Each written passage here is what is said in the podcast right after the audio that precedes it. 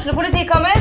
Ine Jansen er purk. Er du purk? The motherfucking bitch. Alt jeg vil, er å finne ut hva som skjedde med mannen min. Jon Carew. Er jeg sikta for noe? Iben Akeli. Det er du. Ole So, Lars Berrum og Big Daddy Karsten. Hvem sin side er du på, egentlig? Anette Hoff, Tone Danielsen, Kommer du fra Afrika?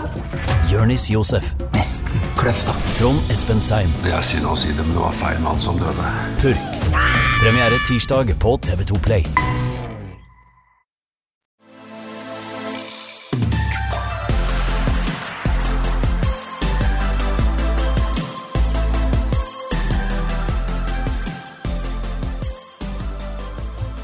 Hei, Lars. Hei, Britt. Velkommen til tredje episode av podkasten vår, RB-salongen. Ja, og Arbeidssalongen det er et samarbeid mellom Romerikes Blad og Skedsmo bibliotek. Og som vanlig sitter vi nå i åpent landskap på hovedbiblioteket på Strømmen og venter på vår gjest. Ja, og vi, det er da Britt og Lars. Britt og Lars. Ja, eh, jeg heter Britt Hofshagen, er 39 år og jobber som journalist i Romerikes Blad. Ja, jeg heter Lars M.J. Hansen, er litt eldre enn det, og jobber som politisk redaktør i samme avis. Ja, og eh, vi har blitt veldig glad i å ha podkast, og gleder oss veldig til å få inn gjesten vår i dag. Ja, og ukas gjest, eh, det er en hund. Det er en, eh, ja, en dame med En bein i nesa. En tøff dame. Ja. Hun er oppvokst på Bjørklangen. Ja, hun vokste opp der med en storesøster som var sju år eldre, og foreldre som var i Arbeiderpartiet. I kommunestyret for Arbeiderpartiet Ja. i Aurskog-Høland. Stemmer. Og hun er eh, ganske profilert, nesten kjendis vil jeg si. Ja, hun er jo det. Hun eh, er veldig interessert i fotball og fugla. Ja. eh, hun går alltid i høye hæler. Eh, blir eh, ofte kanskje kalt for litt nesten litt sånn sos, eller hun bruker mye Gucci og Prada og sånn. Hun ble i hvert fall kalt sos på Bjørklangen, og det skal Ja. ikke så mye til. Nei. Eh, og hun eh, er litt sånn bakgårdskatt i Gucci. Litt tårnfrid. Litt tårnfrid, Ja. litt uh, Gucci-Gunhild kan vi kanskje kalle henne. Ja, Gunhild, røpa du litt der nå. Ja da, Ja, det er greit. ja. Hun er jo en av landets fremste og mest profilerte forsvarsadvokater.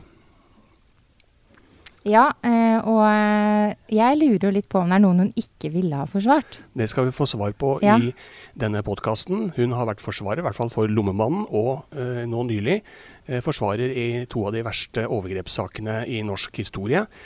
Og vi skal høre hvordan det er. Vi tar vel imot ukas gjest, Gunhild Lærum. Vi gleder oss.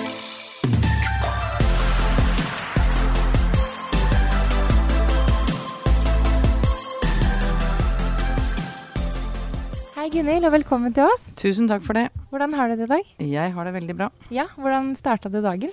Denne dagen startet jeg kvart på sju på Sats. Jeg løp bl.a. med Svesengen på mølla. Svesengen det er altså sportsredaktøren i Romerikes Blad, med Morten til fornavn. Ja. Ja, Så han må vi få pesa litt, vet du, siden jeg er sportsredaktør og alt mulig. Og så etterpå har jeg trent vekter. Så har jeg vært i Oslo i et møte med medforsvarerne mine i den saken som begynner på mandag, i Lillestrøm. Den Kjeller flyplass-saken. Flydropp-saken, ja. Flydropp kaller dere ja. Ja. Men de landa på Kjeller flyplass. da. Det var et lite fly fra Tyskland. Uh, den begynner på mandag. Og så eh, har jeg spist lunsj med de eh, kollegene mine på kontoret. Nå er jeg her, og etterpå er det Oslo fengsel.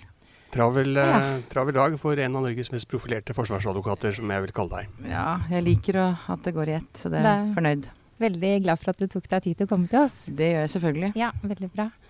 Eh, Gunhild, eh, utgangspunktet for at du er ukas gjest, det er selvfølgelig din mangefasetterte virksomhet, men først og fremst for at du den siste tida har vært eh, forsvarsadvokat for to menn som har, eh, har forgrepet seg på barn. Altså to, faktisk, to av de verste sedelighetssakene i norgeshistorien. Senest uh, Gangsta Boy, som venter på dom.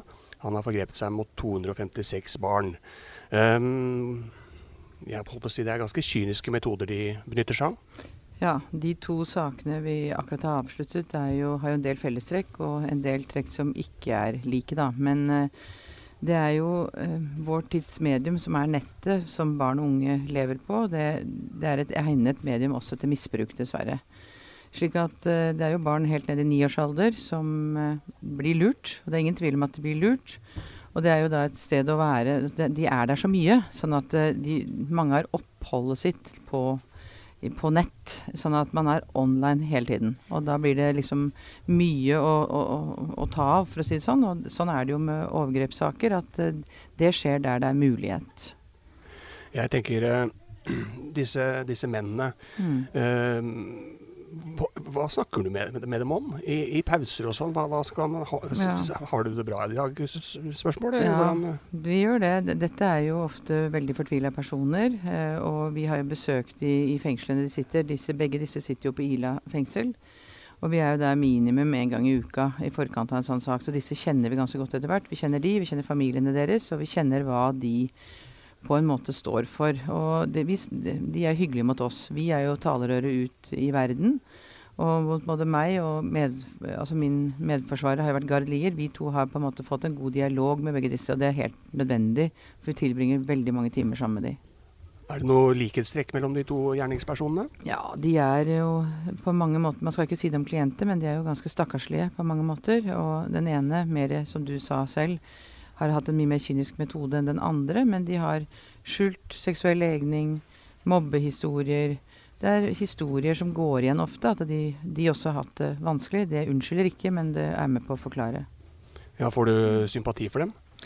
Eh, ikke for gjerningene, aldri for det de har gjort, men vi får jo sympati for mennesker. Dette, det man ofte glemmer, er at dette også handler om mennesker.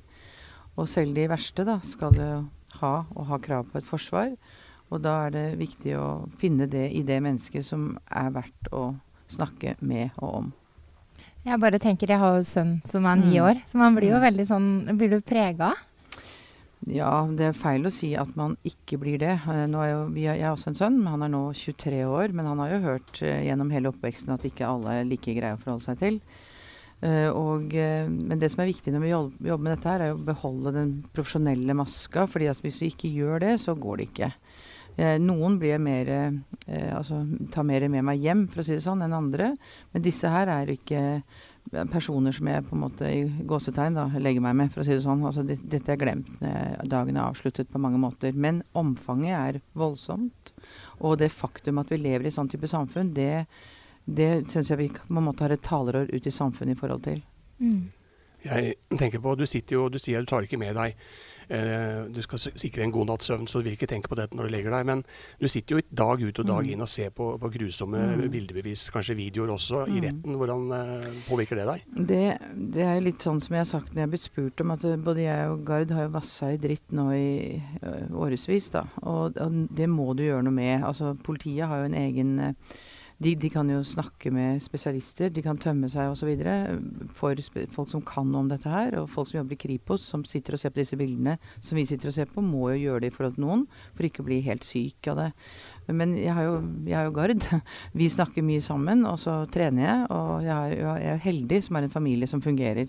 Jeg tror det er veldig viktig å bo i en familie som, eh, som er i harmoni. Altså, vi har ikke mye konflikter på hjemmebane. Og så får man det ut ved å være sammen med venner og familie og trene. og uh, vi, vi må, Det er på en måte en slags teknikk å legge det vekk, ellers så går det jo ikke.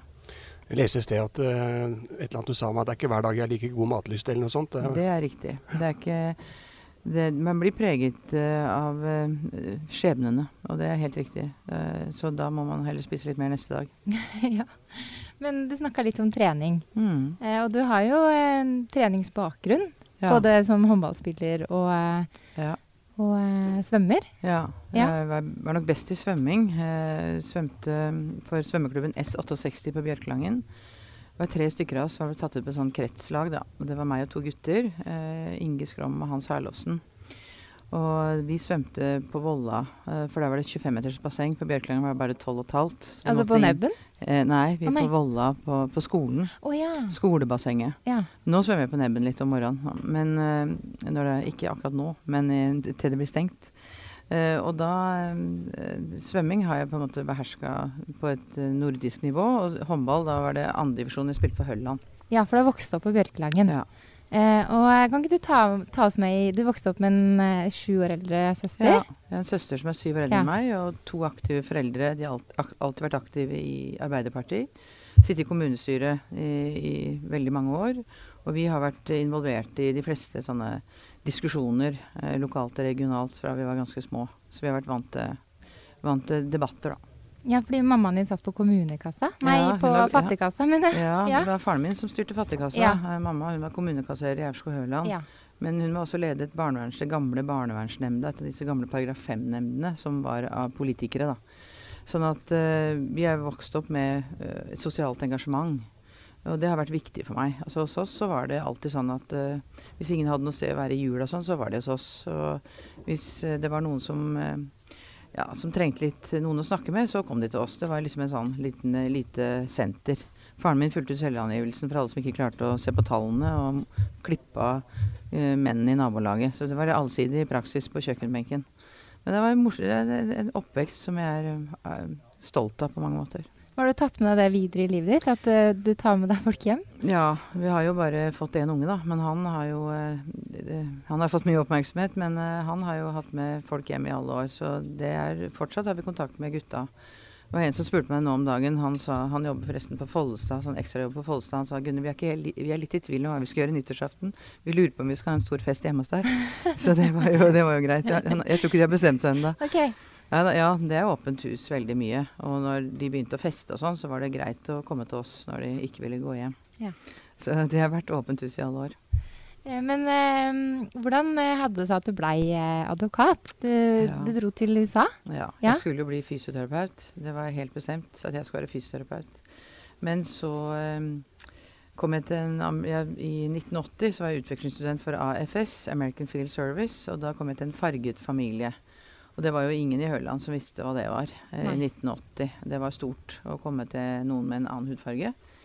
Altså, Siden vi ikke visste hva det var, er jo å ta i, men var, vi kjente i hvert fall ingen. Så jeg kom til Pittsburgh, Pennsylvania, til eh, en mor, en fostermor, da, eller hostmother, som var, hun var eh, atomingeniør, og han var høyesterettsadvokat. Så da gikk det ikke mange dagene før jeg var liksom overbevist om at det var det jeg måtte bli. Hva, hvorfor ble det det? Nei, ja, det er stor respekt for de menneskene. Jeg har fortsatt uh, kontakt med de. de begynner å, han ene han, Faren er jo over 90 år, og de begynner å bli godt voksne. Men jeg har fortsatt kontakt med de og besøker de, og de har vært her i barndåp og konfirmasjon. og De har fulgt oss hele veien. Vi fått, fikk veldig god kontakt. Fikk veldig god respekt for det han gjorde. Han jobbet mye med menneskerettigheter bl.a. Og jobbet for Kennedy i den perioden han på, uh, var president. Så det, det var liksom stort å bli kjent med den familien. Men du, når du kom hjem igjen, hvor gammel var du da? 18. 18 så hva gjorde du da? Bare satte i gang, da? Nei, da var det ett år igjen på videregående på Bjørklangen. Ja. Og så var det jo å lande igjen, da. Det var jo annerledes å komme tilbake til Bjørklangen. Det var liksom ikke de samme forholdene der som i Pittsburgh. Så da var det å lande. Vi hadde jo vært i New York, og de hadde jo tatt meg med til California overalt. Da, liksom, da var det mer å dra på hytta på Setteskauen igjen. Så det ble litt annerledes. Men uh, jeg har alltid hatt liksom veldig tro til røttene mine. Uh, og liksom Foreldrene mine har jeg alltid hatt uh, stor respekt for, så da bodde jeg hos de et år. Og så flytta jeg til Oslo, hybel i Holmenkollen, og studerte jus. Ja. Men hvordan var det å vokse opp på Bjørkelangen? Vi har jo lest og vi veit om deg at du er litt opptatt av utseende og klær ja. og merker. Uh, det var vel et portrettintervju i Dagbladet hvor du ble kalt for Gucci, Gunhild? Ja, det kaller de meg fortsatt i alle fengsler. Så. Gjør de det? Når jeg kommer dit, så er det det de, det de sier. Ja. Og så har jeg hørt at du ble litt kalt litt sossete. Det skal ja. ikke så mye til på Bjørkelangen, kanskje? Bli kalt sos? Nei, ikke så mye, vet du, for det var ikke så mange. Men vi var Nei, jeg jobba jo alltid da, for å tjene penger til disse dyre klærne. Jeg fikk jo ikke det hjemme, så da jobba jeg på gatekjøkken. og stua torv på Måsan og pella jordbær om sommeren. Og, og, faren min satt i Trygdekontorets hovedlandsstyre og kjente folk i den gang Andresen Bank, så vi begynte å jobbe i bank om sommeren. Pendla til Oslo, det var stas. Og i Trygdekontoret. Ja. Gamle Trygdekontoret. Der er jo nå fylkesnemnda i dag. Det er litt morsomt å være tilbake der som advokat. Vi har alltid jobba mye, og da var det å spare penger og dra og kjøpe seg disse merkeklærne, da. Så det er helt riktig. Forfengeligheten har vært der i alle år. Men, uh, ja, men er det Følte du deg liksom annerledes når du vokste Nei, men jeg ble nok fort uh, Nei, men jeg var nok en sånn type som på Jeg er jo for så vidt har innsyn i det at jeg er en ledertype, og ble nok også fort uh, en ledertype på skolen. Sånn satt jo alltid i elevråd og, og likte jo å diskutere med læreren. og det var liksom på en måte, Jeg tok ikke altfor god fisk, så det var jo på en måte kan tenke meg at de var glad å være kvitt meg innimellom. Men, var, men jeg, hadde, jeg, har alltid hatt veldig mange gode venner. Så det var mange, vi har alltid vært en jentegjeng, og vi kalte oss Puff, piker uten fast følge. Det var om å gjøre å være singel. Ah, så, men eh, så dro du på Bukken og Bruse? Ja, der traff jeg Kristen. Ja, det er hvordan, helt riktig. Det var i 1982? Ja, ja. 1983 traff jeg ham. Det var russ i 82. Ja. traff han etter det. Mm. Da ble det ikke med Hva kalte du det? Puff? Piker uten fast følge var slutt da. ja. Jeg hadde jo hatt noen ungdomsflørter før det, men ja, han traff jeg da, og vi er sammen enda. Men uh, var det kjærlighet ved første blikk? Det var litt sånn uh, ja, han var en spennende kar da, fra Strømmen. Han gikk på Handelshøyskolen i Bergen, og vi fra bygda likte jo å komme inn her, da. Så det var stas. Fort. Ja. Og så, når ble Peder født? Peder ble født 14.10. i 96. Ja. Så vi har eh, holdt sammen i alle år. Og han eh, tok du med deg på jobb fra dag én? Ja, det var fra liksom dag én. Den store den Rømskog-saken, som dere kanskje husker. Det var jo han kirketjeneren som misbrukte de gutta som gikk for presten. Da var jo Peder med, han var jo baby. Da flytta sorenskriveren i Heggen og Frøland tingrett ut. Lund, sorenskriver Lund, han sa at når du kommer med denne babyen, så flytter jeg ut. Og moren min var med og passa på Peder, amma jeg han i pausene, da. Han syntes det var en godt voksen au pair jeg hadde. Men det gikk eh, fint. Så hun var med det første året han levde. Vi var på Senja, hadde en sak på Finnsnes. Og han var med rundt. Så han har liksom fått jussen i med morsmelka. Litt tårnfrid over akkurat det? Det kan du si. Det er det mange som har kalt meg i perioder. Jeg har nok vært litt tårnfrid, men har, vi har alltid hatt varm mat til middag. Det har ikke vært så mye boksemat. Og så har du hatt en mor som har hjulpet deg, har skjønt? Ja. Mamma har vært uh, enestående. Hun er, døde jo i 2005, men hun var med veldig mye rundt. Og resten av familien. Svigerinna mi har hatt Peder, og, og svigermor og svigerfar som bor her på Strømmen. Så vi har, de er jeg tror ikke Peder har uh, lidd noe nød, men han syns, at, han syns han har en mor som jobber mye. Det tror jeg. Men Du nevnte Rømskog-saken. Vi husker mm. den. Det var uh, ganske sjokkerende. Mm. Eh, den også. Mm. Eh, jeg håper å si Da snakka vi om fysisk overgrep. Ja. Eh, litt tilbake til det vi starta med. Litt, mm. sa hun en, har en sønn på, mm. på ni år. hva er det foreldre kan gjøre for å, for å få kontroll på dette? Altså, uten å invadere barns privatliv? Mm, det er et godt spørsmål. Det er, hvis man leser Kripos sin siste rapport Jeg og Gard ble bedt inn til Kripos som eneste advokater i Norge for å få høre lanseringen av den rapporten sammen med Barneombudet. Og det det handler om, det er jo å være engasjert i barna sine. Være involvert og følge med. Og smarttelefoner er jo ganske, kan være ganske farlig. altså det er veldig mange som følger med på PC og på iPad, men smarttelefonen er liksom Den lever sitt eget liv. Og det handler om å følge med. og altså det, det, er jo barn med, som er ressurssterke, og ressurssterke foreldre. Og, men så er det det at man forsker litt på nett på sex osv. Og, så videre, og det er ganske vanlig nå å sende nakenbilder av seg sjøl. Litt større enn ni år, da. Men uh, det er ganske, dessverre ganske vanlig blitt. Og man tenker ikke over konsekvensen at da ligger det ute. Mm. Det, man tenker ikke når man klikker det, liksom sender send, at da kan andre misbruke det. Det er og litt sånn er misbrukerne også, som vi representerer. De tenker ikke over at det er så alvorlig som det er, når de gjør det. De lever liksom i en sånn boble at de er en annen person, et alias. Og så, så går det liksom slag i slag. Det er veldig vanskelig å forklare, men de, de selv også tror liksom ikke at de har voldtatt noen. De, de, tenker ikke at de har gjort det med det de har gjort. Men da, du, da kan vi komme inn på det du skrev i spalten din, med andre mm. ord i Romerikes Blad. At du faktisk ikke synes at nettovergripere skal straffes like strengt som altså, fysisk overgrep i den virkelige verden. Ja, i dag, altså det er en, Dette er jo den virkelige verden, begge deler. Det er online og offline, da. Mm. Og jeg mener ut fra over 30 års erfaring at nå sier uh, jo uh, forskerne at de mener at det er like skadelig begge deler. Men det jeg sier er at jeg mener ikke at det ikke skal straffes strengt. Men det jeg sier, er at de fysiske overgrepene, f.eks. massevoldtektene, eh, de, hvis du går, uh, overfallsvoldtektene, hvis du går på en vei, og det kommer en helt ukjent en og tvinger til seg et samleie Jeg er ganske sikker på at det sitter mer i kroppen din enn om du har onanert eh, for en fremmed på nettet. Fordi, ikke fordi at det ikke, det ikke er alvorlig, jeg unnskylder ikke handlingen i det hele tatt, men den som disse gutta vi, annet i den siste saken, disse gutta vi har hatt med å gjøre i denne saken her, veldig mange vil ikke ha noe med denne saken å gjøre. De vil mm. ikke komme. Det, det er på en måte et, en ny belastning å komme i, i retten. Det er en ny belastning å være en, et offer osv. Jeg tror eh, opplysning, involvering, og da tenker jeg også for de overgriperne at jeg mener at de må få hjelp et sted før de går så langt. De må kunne gå til et nøytralt sted og få utløp for det de har trang til, da, uten at de misbruker noen på nettet. Og det er bedre at, det, at de, kan gå og snakke om det sted uten at det blir anmeldt før det kommer så langt. Men jeg sier ikke at det, at det skal straffes mildt, men jeg tror, eh, det tror jeg mange er enig med meg i, at det har gått ganske langt. Altså nå er det jo voldtekt hvis du får et, en i andre enden til å onanere eller til å gjøre andre ting med seg selv uten at de har møtt hverandre. Og jeg tror også den fornærmede mange ganger ikke tenker at de, de vil ikke være voldtatt. Men, men, det blir jo det, den, det labelet, eller den merknaden på det, da. Men senskadene og psykiske ettervirkninger kan jo, kan jo være like store. Det er forskjell på, på, Det- på disse guttene, selvfølgelig. Det er det. Og det er det jo i fysiske overgrep også. Og i, jo, også i, det er helt klart. Og det, det veit man veldig lite om, og det er ingen undersøkelser i Norge ennå. Ingen. Ingen. Men Sverige har det ganske mange. Mm. Hva viser de? De viser veldig stor variasjon. De viser veldig stor variasjon. At eh, noen vil ikke ha noe med det å gjøre i det hele tatt. Og dette har de glemt. Mm. Mens andre syns det er veldig belastende. Og det er klart at sårbare barn blir ofte misbrukt mange ganger. Det ser vi jo. Sårbare barn uten engasjerte foreldre.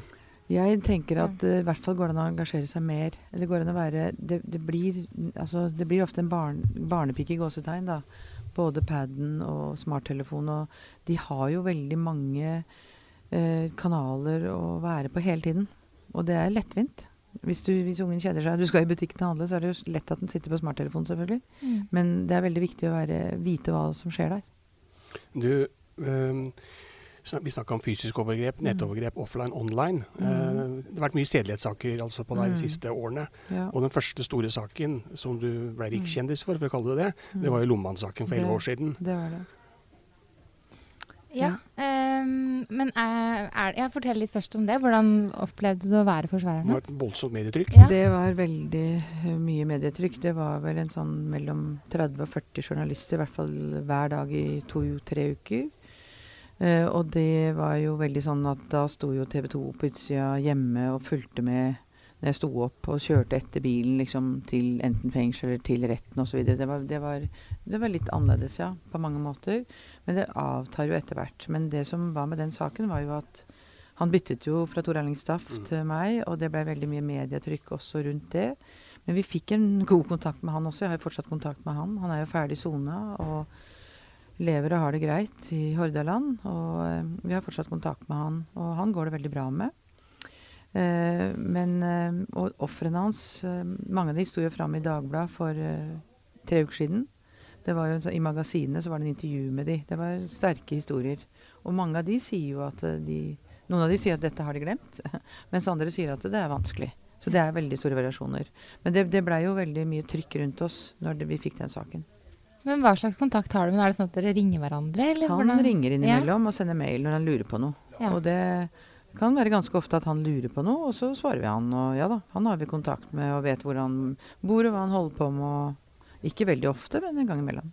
Men eh, en ting jeg har lurt veldig på, er sånn Er det noen du ikke ville ha forsvart? Ja, det er jo et uh, Det er ikke så mange, det. Men jeg tror familien min har ganske klare uh, når, når det smalt 22.07. i Oslo, Ja. så var jeg i Spania. Vi har et sted i Spania.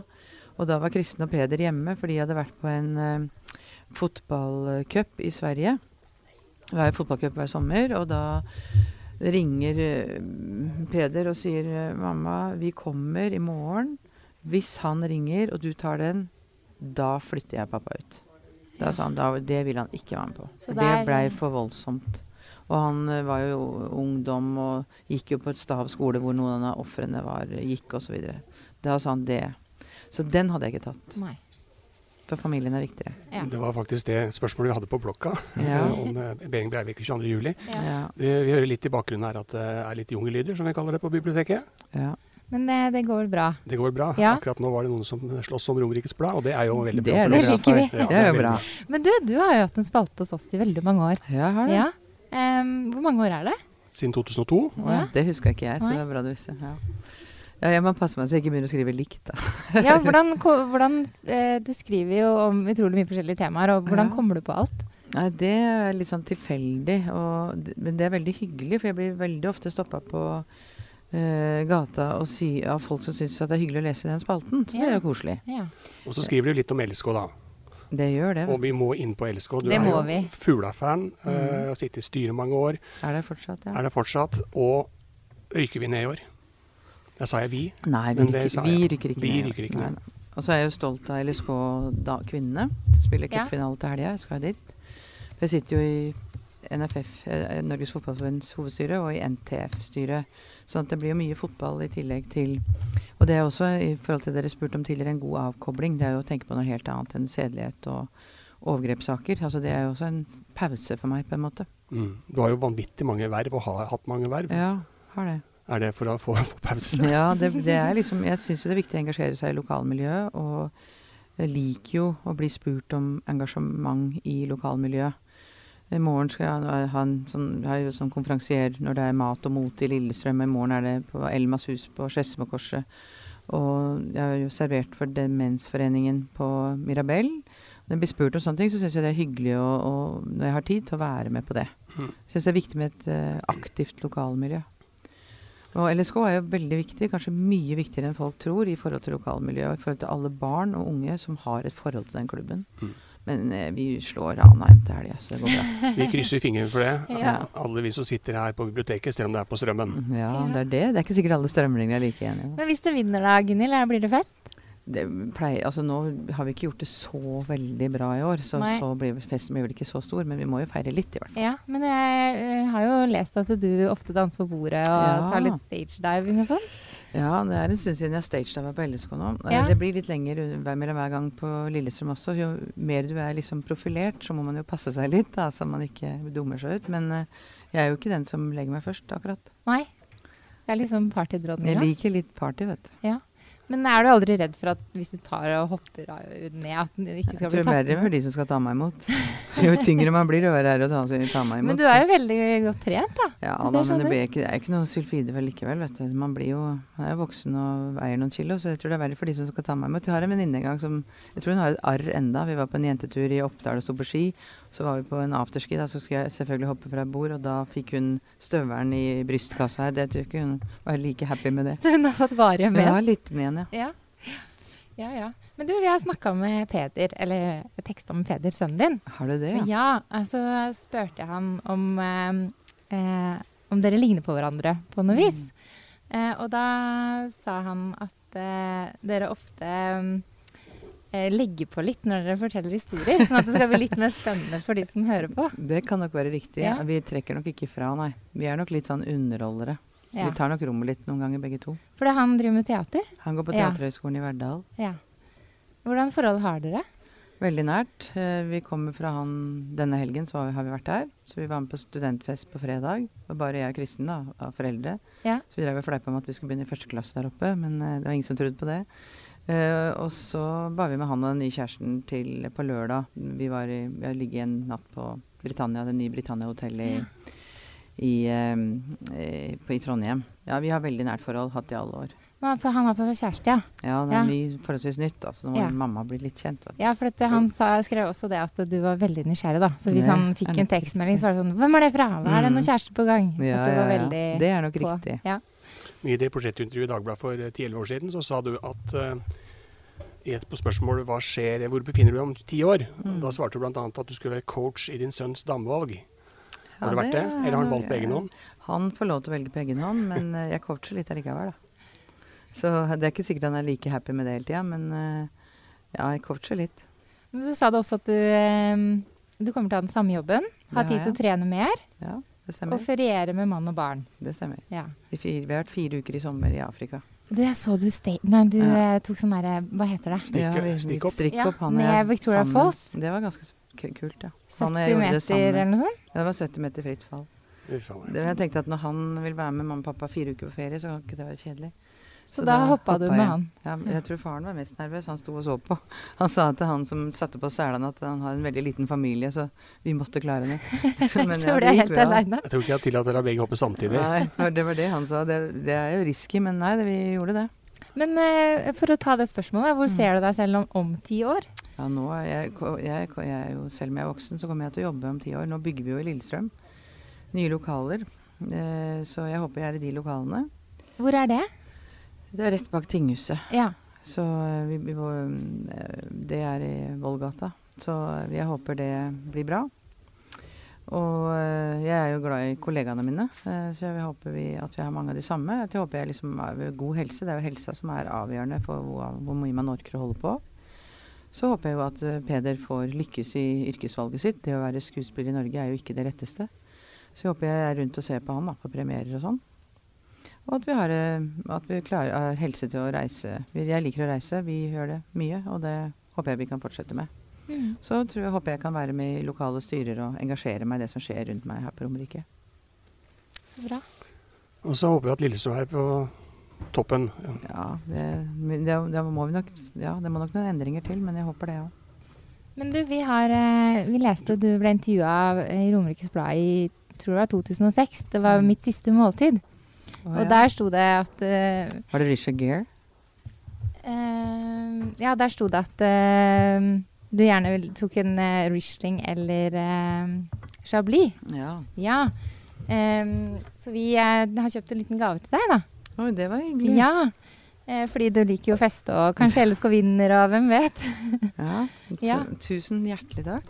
Du skal få den hvis du lover ikke stagedive etterpå. Det, Ja. det lover jeg. Nå er det ganske lavt herfra ned. Altså, det Ja. kunne gått. Men du, er det, er det sånn at du deler den der med de på kontoret, eller? Ja, du tenker at jeg bør det? Nei, men de, jeg snakka nemlig også med han eh, kollegaen din Simon Stende. Simon, ja. Ja. Eh, og han eh, han bare rosa deg opp i sky, da. Det var hyggelig. Eh, og eh, jeg kan jo si hva han skrev, da. Mm. Gunhild har et stort hjerte fylt med varme og omtanke for oss som er hennes kollegaer. Hun har et Mm. driv og en vilje som inspirerer. Gunhild er morsom å være sammen med, hun er raus og ganske tøff. Ja, det er passer nok. eh, Jeg opplever meg selv som raus. Jeg syns det er en viktig egenskap Mm. å dele. Jeg er jo såpass heldig at eh, jeg har noe å dele av, så da må man jo dele. Da får du dele den vinen, da. Ja, får kanskje, da får jeg kanskje dele den vinen, men vi er så mange, vet du, så det kanskje jeg får heller dele den hjemme. Ikke sant. Ja, Gunhild, vi har noe som heter Fem kjappe, vi. Mm. Ja, er du klar? Jeg er klar. Ja. Eh, første er hund eller katt? Hund. Hun, hvorfor det? Vi har hatt golden retriever på Bjørklangen i alle år, så jeg er veldig glad i det. Men hadde jeg hatt tid, så hadde jeg hatt hund. Jeg har ikke tid. Så du har ikke noen dyr nå? Nå har vi ingen dyr. Nei. Han jeg er gift med, er litt redd hund, så da, da ville vi la det være. Han måtte hatt en bitte liten sånn kjempesnill en, tror jeg. Nei, jeg syns hund er veldig Jeg hatt veldig lyst til, men jeg har ikke tid. Vi er også veldig glad i hund, da, Lars. Ja. Hund og katt. Ja. Mm. Eh, og så er det i byen eller på fjellet. ja, jeg er glad i begge deler, men jeg hadde tatt Hvis jeg må velge, er det byen. Ja. For jeg er jo Jeg syns f.eks. Hvis jeg føler at jeg er veldig på landet en stund, så går jeg på Garceau. For jeg det, det, hvis jeg sitter på Garceau, så tenker jeg at det kunne også vært eh, midt i en storby. Ikke sant? Kunne vært i Paris eller Det kunne det ja. vært. Mm. Nei, så da hadde jeg tatt det. Men vi står på ski i Alpene hver vinter, og jeg liker å være på ski, men eh, av de to så måtte jeg da uten tvil byen. Og så reiser du mye, ser det ut som, i, Ja, ut fra sosiale medier. ja. ja. Og så har du hytte på Setten. Ja, så det er jo ikke fjellet, vet Nei. du. Det er Hva er det, bygda? Ja. Det er innlandet og bygda. Eh, og så er neste Lofoten eller Gran Canaria. Ja, da hadde jeg nok tatt Lofoten. Lofoten syns jeg er kjempeflott. Eh, Gran Canaria har vi vært på. Jeg jo, eh, jeg, jeg har jo vært Jeg er jo gift med som de kaller charterkongen. Ja. Men han vi har, er ikke så mye charter lenger, for nå har vi et eget sted i Spania. Men eh, vi har vært veldig mye på Gran Canaria. Ja. Så da hadde jeg tatt eh, nå, nå er det Lofoten. Nå er det nok Gran Canaria. Nå er det nok Granca. Eh, Spørs om du får med deg gubben, da. Ja, det, det, det, er, det er helt riktig. Hvis det er sol der, så kanskje han blir med. Ja, han er litt glad i sol. Ja. Um, kaffe eller te? Kaffe. Kaffe. Ja, enig. Ja. Er du Ja, det er vi alle enige i. Ja. Ja. Eh, siden det Ja, det var fem kjappe, det. Nei, vi Nei. har en til. òg. Vegetar. Fire kjappe. Veggis, vet du.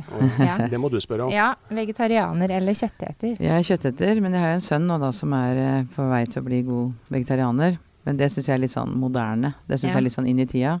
Så han er jo vegetarianer i uka, og så hvis han er hjemme i helgene, så er det kjøtt hos mor. Nei, så det er kjøtt. Så ja, jeg er jo vegetarianer, da, Mm. men så er jeg litt moderne, da. Du er moderne, du. Men da er Gunhild jeg jeg litt gammeldags. Ja, er Og takk for det. Ja, vi må ha Nei. noe kjøtt. Men har du noe sånn uh, kjøttfri mandag, eller tenker du noe på Ja, vi har mange dager uten Ja. kjøtt. Men uh, ja, vi- Og vi spiser nok mindre kjøtt enn vi gjorde før. Men sånn et liv uten det, det blir stusslig, syns jeg. Altså. Ja.